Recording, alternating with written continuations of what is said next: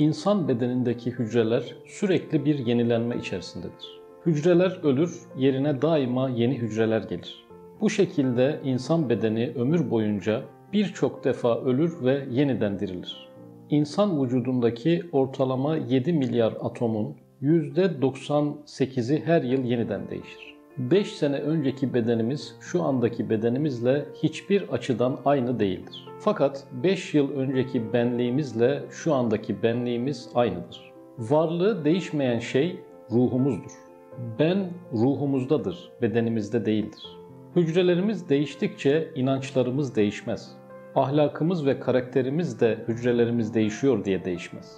Bedenden dolayı değil, ruhtan ötürü değişmez. Ruhumuz birçok defa belirli bir süreç izleyerek değiştirdiği bedenini ölüm esnasında aniden ve tek seferde değiştirecektir. Yani ölüm ruhun bedeni aşamalı olarak değil bir hamlede terk etmesi halidir. İnsanın ruh beden bütünlüğü yaşam boyunca kesintiye uğramaz. İnsan ölüm hendeğini atladığında ve atlarken de bu kendi olma duygusunu aktif bir şekilde devam ettirecektir. İnsanı bedenden bedene geçirirken muhafaza eden, onun benliğini dağılmaktan koruyan, onun kişilik bütünlüğünü sürekli halde tutan yaratıcı, onu ölüm anında da ölümünden sonra da böyle koruyacaktır. İnsanın bedeni onun biyolojik yanıdır ve gelip geçicidir. Yıllar içerisinde gerçekleşen beden değişiklikleri onun kişisel benliğini nasıl ortadan kaldırmıyorsa sonuncu beden değişimi olan ölüm de onu ortadan kaldırmayacaktır. Ruh ölümsüzdür. Ruh aracılığıyla ayakta duran, ruhun varlığıyla canlı olabilen beden istediği gibi dağılıp toplansın, vefat etsin veya toprakta un ufak olsun, ruh açısından bir sorun teşkil etmez. Çünkü ruh bedene bağımlı değildir. Ama beden ruha bağımlıdır. Beden ruhun evidir, konağıdır, yuvasıdır. Evet, beden ruhun evidir. Evin tamir edilmesiyle veya değiştirilmesiyle evin sahipleri yok olmazlar. Ruh bedensiz kalabilir, onsuz da yaşayabilir. Ama beden ruhsuz kalamaz. Yaşamını onsuz bir an bile sürdüremez. İbn Sina Ölüm Korkusundan Kurtuluş Risalesinde ölümü şöyle tarif eder. Hakikatte ölüm nefsin aletlerini kullanmayı terk etmesidir. Nefsin aletleri de azalardan ibarettir ki hepsine birden beden denilir. Ruha göre bedenin ölümü bir sanatkarın kullandığı aletleri terk etmesi gibidir. İbnül Arabi de Fütuhat-ı Mekkiye eserinde ölüm hakkında şöyle konuşur. Ölüm ruhlarımızın bedenleri yönetmekten ayrılmasıdır. Ölüm şehri boşaltır, ruh ve bedeni birbirinden ayrıştırır. Her şeyi aslına gönderir. Böylece ölüm bedeni aslı olan toprağa gönderir ve ruh ile yükselir. Evet, elektrikle çalışan makinenin bozulmasıyla elektrik de nasıl bozulmuyor ve yok olmuyorsa bedenin ölmesiyle de onu işleten varlık olan ruh yok olmaz ve ölmez. Elbisenin veya bineğin değiştirilmesiyle sahibine bir zarar gelmez. Bedenin ölümüyle birlikte ruhun da ölüyor olduğuna inanmak büyük bir yanılgıdır. Bedenle ruhu aynı kategoride görenler, birbirisinin aynısı olarak yorumlayanlar, insanın bedeniyle birlikte ruhunun da yok olacağını kabullenmek zorundadırlar. Ölümden sonra bile değil, henüz bu yaşamdayken bile ruhun bedenden bağımsız bir varlık olduğunu anlayanlardır ki bedenin yitimiyle birlikte ruhun yok olmayacağını kavrayabilirler. İnsan kendi varlığını dikkatle tefekkür ettiğinde içinde ebedi bir taraf taşıdığını, hep onunla beraber yaşadığını fark edebilir. Mesela ruhun bedeni kullanmadan iş gördüğü vakitler de olur. İnsan böyle anlarda gözünü açmadan görür. Burnunu kullanmadan kokular alır. Kulağını kullanmaksızın sesler işitir. Hatta burnu ile ses duyanlar, parmak uçlarıyla görenler, gözüyle kokuların varlığını ayırt edebilenlerin varlığını öğrenmek için kısa bir araştırma yapmak yeterli olur. Gören ruhtur. İşiten, koku alan ruhtur. Bu işleri bazen başka organları da kullanarak yapabilmesi bunun en büyük kanıtıdır. Uyku da bu örneği kavramak için ideal bir örnektir. Rüya aleminde dil olmaksızın tadarız. Göz olmaksızın görürüz. kulak olmaksızın işitiriz. Başka zamanlara, başka mekanlara gidip gelmekte zorlanmayız. Bütün bunları bedendeki organları kullanmaksızın gerçekleştirir. Uyanıkken bu işleri duyu organlarını kullanarak yapıyor olması ruhun kısıtlılığıdır. Bedenle olan mecburi bağlantısından dolayıdır.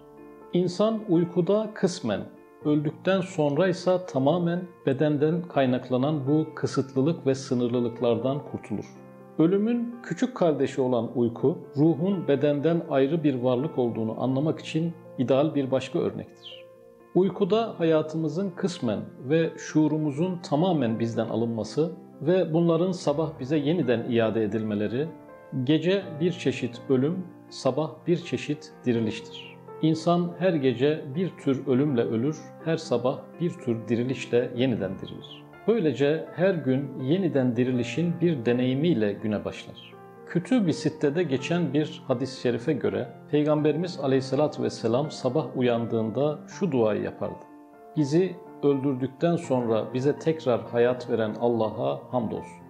Zümer suresinin 42. ayetinde de ölümle uyku arasında bir benzerlik kurulmuştur. Uykuya geçerken uyandığımızda aklımızı, benliğimizi veya varlığımızı kaybetmekten nasıl endişe duymuyorsak, öldükten sonra da varlığımızın, benliğimizin, duygularımızın bize yeniden verileceğinden endişe duymamalıyız. Veya onların artık bize verilmeyeceğinden korkmamalıyız. Evet, ölüm uykunun bir başka versiyonu ve daha derin bir biçimidir. İnsanı insan yapan onun en özel tarafı ruhudur hiç ölmeyecek bir ruha sahip olması insanın en üstün tarafıdır. Ruh kabir hayatında bile yaşamdadır. Hayat ruhun azalmaz, değişmez, kaybolmaz olan vasfıdır. Ruhun ilişkide olduğu kavram kayyumiyettir. Ruhun bedenden ayrılması, bedenin her konuda derhal iş bırakmasıyla sonuçlanır. İnsanın sonsuz yaşamının gerekçelerinden biri de evvelen ona ilahi ruhtan üflenmiş olmasıdır. İnsan ruhunun kıymeti ve ölümsüzlüğü üzerinde düşünürken Allah'ın insana bizzat kendi ruhundan üflediği gerçeğini de akıldan çıkarmamak gerekir. Sat suresinin 72. ayetinde, Hicr suresinin 29. ayetinde ve Secde suresinin 9. ayetinde bu gerçek açıkça dile getirilir. Yunus'un ölmek senin nen ola, çün canın ilahidir sözünü de anmadan geçemeyeceğim. İnsanın dünya hayatından sonraki hikayesinin özeti şöyledir. İnsan ruhunu Azrail aleyhisselam alır ve bu ruhu berzah alemine taşır. Berzah alemi dünya ile ahiret arasında bir bekleme alanıdır. Kıyamet gününe ve yeniden dirilişe kadar insan ruhunun ikamet edeceği yerdir burası.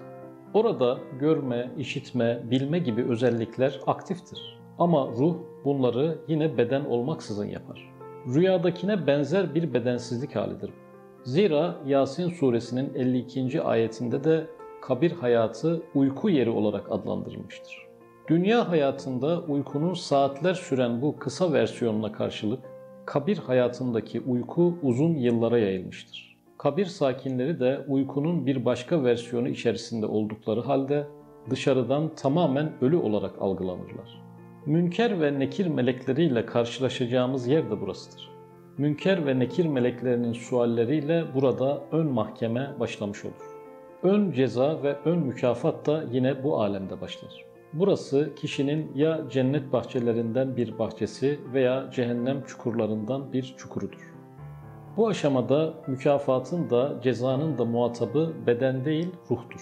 Bu kabir hayatının sonunda insanın bedenlenerek yeniden dirilişi gerçekleştirilecektir. Ruh zaten diri olduğu için bu noktada sadece bedenin yeniden dirilişinden bahsedebiliriz. Yeniden dirilişten sonra artık insan beden ve ruh bütünlüğüne tekrar erişmiştir.